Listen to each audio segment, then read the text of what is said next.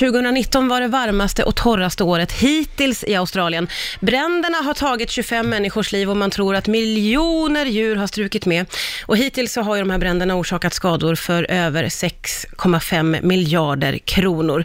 Min gäst för dagen heter Johan Kylenstierna och är vice ordförande i Klimatpolitiska rådet. Välkommen hit. Tackar. Eh, brinner det på grund av klimatförändringarna? Ja, det är helt klart en faktor.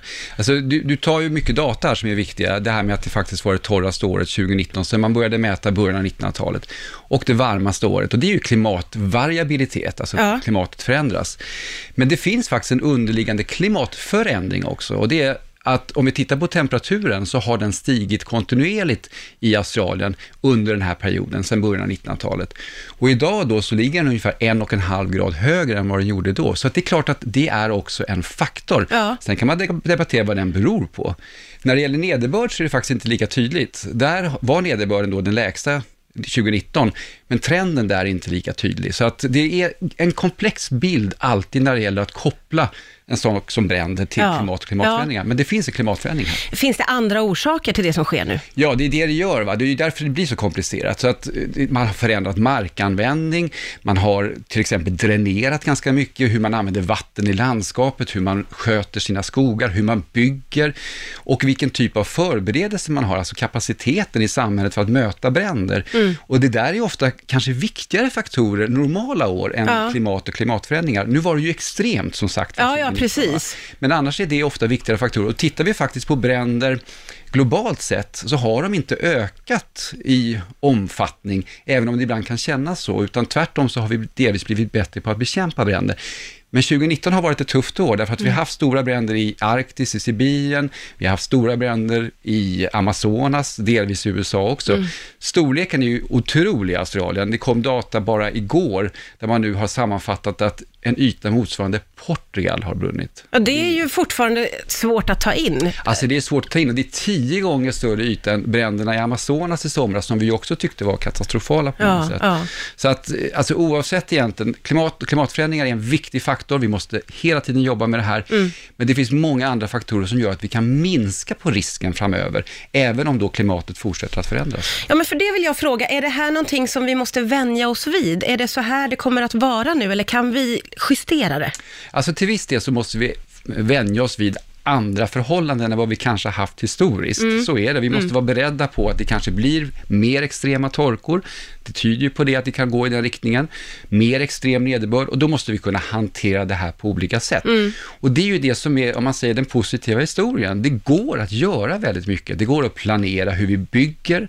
Eh, Det går också till exempel att bygga upp strukturer som förbereder oss för den här typen av som skogsbränder. Vi kan ha eh, flygplan, helikoptrar, vi kan ha olika system som gör att vi kan motverka bränderna när de väl bryter ut. Ja. Men också faktiskt motverka dem innan. Och det, det kan handla om till exempel hur vi sköter våra skogar. Det är en sån enkel sak. Så det finns många olika faktorer som är viktiga att ta hänsyn till. Men kom ihåg en sak som faktiskt är viktig. Den största orsaken till att samhällen drabbas av klimatrelaterade händelser, väder och klimatförändringar, det är faktiskt att vi har fortfarande har mycket fattigdom i världen. Alltså vi har mycket svaga samhällen och de är ju mycket mer sårbara. Och när till och med Australien, som är ett rikt land, kan Ja. drabbas på det här sättet, så kan du tänka dig när vi har liknande situationer i fattiga länder där vi inte alls har samma typ av förmåga, då blir ju effekterna väldigt stora. Och det är där de stora riskerna för framtiden faktiskt finns. Är det så nu att vi eh, måste lära oss att leva med klimatförändringen, att vi kan inte göra någonting för att förändra det? Alltså det, det är två olika perspektiv, två Okej. tidsperspektiv. Så att vi måste behandla sjukdomen, så är det, det vill säga utsläppen av växthusgaser. Det är den långsiktiga strategin, den måste ligga i centrum. Därför att annars så kommer ju situationen hela tiden att förvärras. Eh, och det är viktigt och det är det klimatförhandlingarna mycket handlar om. Vi måste ställa om våra energisystem, transportsystem. Faktum är att det är bra av många andra skäl också. Vi måste bort från fossila bränslen därför att de är begränsade och de är kontrollerade av ett fåtal stater och så vidare. Så det finns många andra skäl. Men på vägen dit så måste vi också anpassa våra samhällen. Och egentligen är inte det här något nytt. Vi har klimatvariabilitet historiskt också. Eh, vi har Vad tänker du på behövt, då? Ja, alltså, vi har alltid behövt anpassa oss till torka, till översvämningar. Ta vilken jordbruk eller lantbrukare som helst så vet man om det. Mm. det. Det här är inget konstigt egentligen. Det som är nu, det är ju att det kanske blir mer extremt. Så vi måste investera då i våra städer, i våra jordbruk eller skog, skogsskötsel och så vidare för att kunna hantera då en ökad variabilitet. Och fördelen med det här är, det är att om du gör de här investeringarna så är de bra oavsett hur stora klimatförändringar eller variabilitet vi får. Är ofta bra investeringar i alla fall. Du minskar sårbarheten i samhället. Så att vi måste jobba helt enkelt både och. Och framförallt, det stora utmaningen igen, det är ju att Okej, länder som Sverige eller i Europa, vi har kapacitet och resurser för det här. Den stora frågan är ju trots allt väldigt många fattiga länder fortfarande, som har, det är stora hot från klimatförändringar och de har små resurser. Ja, vad, och, vad kan vi se för framtid för de länderna? Ja, det, det, I många fall så är det ju ganska kärvt. Eh, de kommer på olika sätt behöva stöd eh, och det pratar man mycket om i klimatförhandlingarna också. Hur kan man alltså för, för, förbättra investeringar i de här länderna och sen också bistånd. Men det handlar ju faktiskt väldigt mycket om länderna själva också. Hur kan de få till en tillväxt som är positiv? Så det är ofta egna regeringar och faktiskt då som måste förändra sin policy också. Så det är väldigt, väldigt viktigt. Eh, Men det som är intressant återigen med omställningen, nya system, nya energisystem, sol, vind och så vidare, det är faktiskt att de här länderna, många av dem är väldigt positiva till det här, därför att det är lättare för dem att bygga ut snabbt solbaserad energisystem, till exempel på landsbygden, istället för att bygga stora kolkraftverk eller Ja, oljekraftverk, bli beroende av få länder i Mellanöstern, så kan de bygga sina egna system. Och det är det här som är så fantastiskt med omställningen, den har så många andra positiva effekter. Den demokratiserar energitillgången och den möjliggör en snabb förändring och tillväxt också i fattiga länder. Så det är Så fantastiskt. i det här eh, mörkret som jag tror att många upplever att Mm. det är när man pratar om klimatförändringarna, så finns det också små ljuspunkter menar du? Det finns många ljuspunkter Många menar jag. till och med. Alltså, jag. Jag är ju ganska optimistisk där. Jag vet att en del blir irriterade på det. Eh, Men det är, vi har stora utmaningar. Det ska vi prata om och vi ska redovisa dem. Men vi måste också berätta om alla positiva historier. Det finns massor av företag i världen som jobbar stenhårt med att ställa om. Det finns massor av länder som jobbar stenhårt med att ställa om. Och vi kan se i fall efter fall att det här är den bästa vägen framåt. Det är lönsamt, det skapar nya företag, det skapar nya lösningar och vi minskar vårt beroende återigen på en resurs som faktiskt är ändlig. Tänk på konflikterna i Mellanöstern nu. Hur mycket av, av dem handlar fortfarande inte om olja trots allt.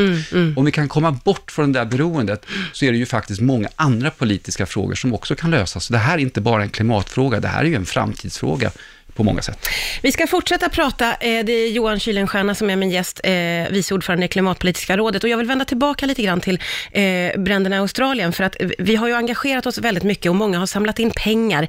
Och jag har, eftersom jag har pratat mycket om bränderna, det är ju det som har dominerat nyheterna de senaste dagarna, då har frågan mycket kommit upp, märker jag när jag står här, från folk som vill hjälpa till. Och om man kan skänka pengar. Vi har dessutom hört talas om väldigt många kända människor som har skänkt enormt stora summor. Eh, på vilket sätt hjälper de här pengarna, skulle du säga Johan? Ja, men jag tycker, alltså det är ju i grunden väldigt positivt att så många människor verkligen vill engagera sig och hjälpa till. Och när vi ser den här typen av katastrofer så blir det ofta en naturlig reaktion. Eh, och då kan man ju liksom fundera på katastrofer på olika platser. Ett fattigt land eh, där man behöver direkt hjälpbehov. Australien är lite annorlunda, det är ett rikt land. I grunden så ska ju Australien kunna hantera det här själva och regeringen har ju sagt att de ska avsätta mycket pengar för återuppbyggnad. Ändå så drabbas trots allt väldigt många människor även i ett land som Australien. Så att det, det, det är verkligen tufft för många, inte minst jordbrukare till exempel, som vi har sett. Eh, men det som är viktigt är att om man satsar pengar på det här, vill hjälpa till, gå igenom stora organisationer som har 90-konton i Sverige, så vi vet att pengarna når fram och inte fastnar någonstans. Ja, utan det. stora organisationer, så kommer ju pengarna till de som behöver eh, stöd på olika sätt. Mm. Det kan man ju satsa på miljö om man vill det. Det finns flera organisationer som jobbar med miljöfrågor. Man kan satsa på återuppbyggnad, katastrofbistånd. Det finns Just flera organisationer som jobbar med det.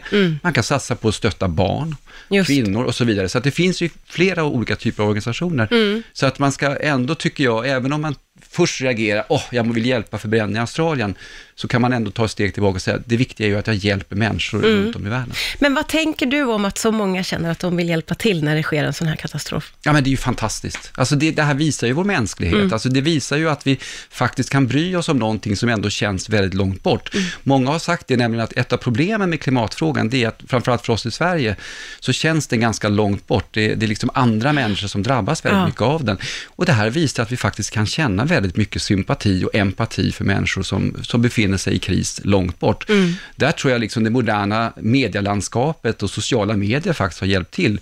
Idag är vi på ett helt annat sätt uppkopplade med människor runt om i världen. Och faktum är att människor reser mycket. Jag vet att det finns något som heter flygskam, men i grunden så tycker jag att det är väldigt bra att människor har rört sig, sett världen, skapat relationer, fått ett förhållande till den övriga världen och det är ju fantastiskt på något Ja. sätt. Eh, Johan Kylenstierna, jag är så himla glad att du kom hit idag. Tusen tack för att du kom till Rix. Tack.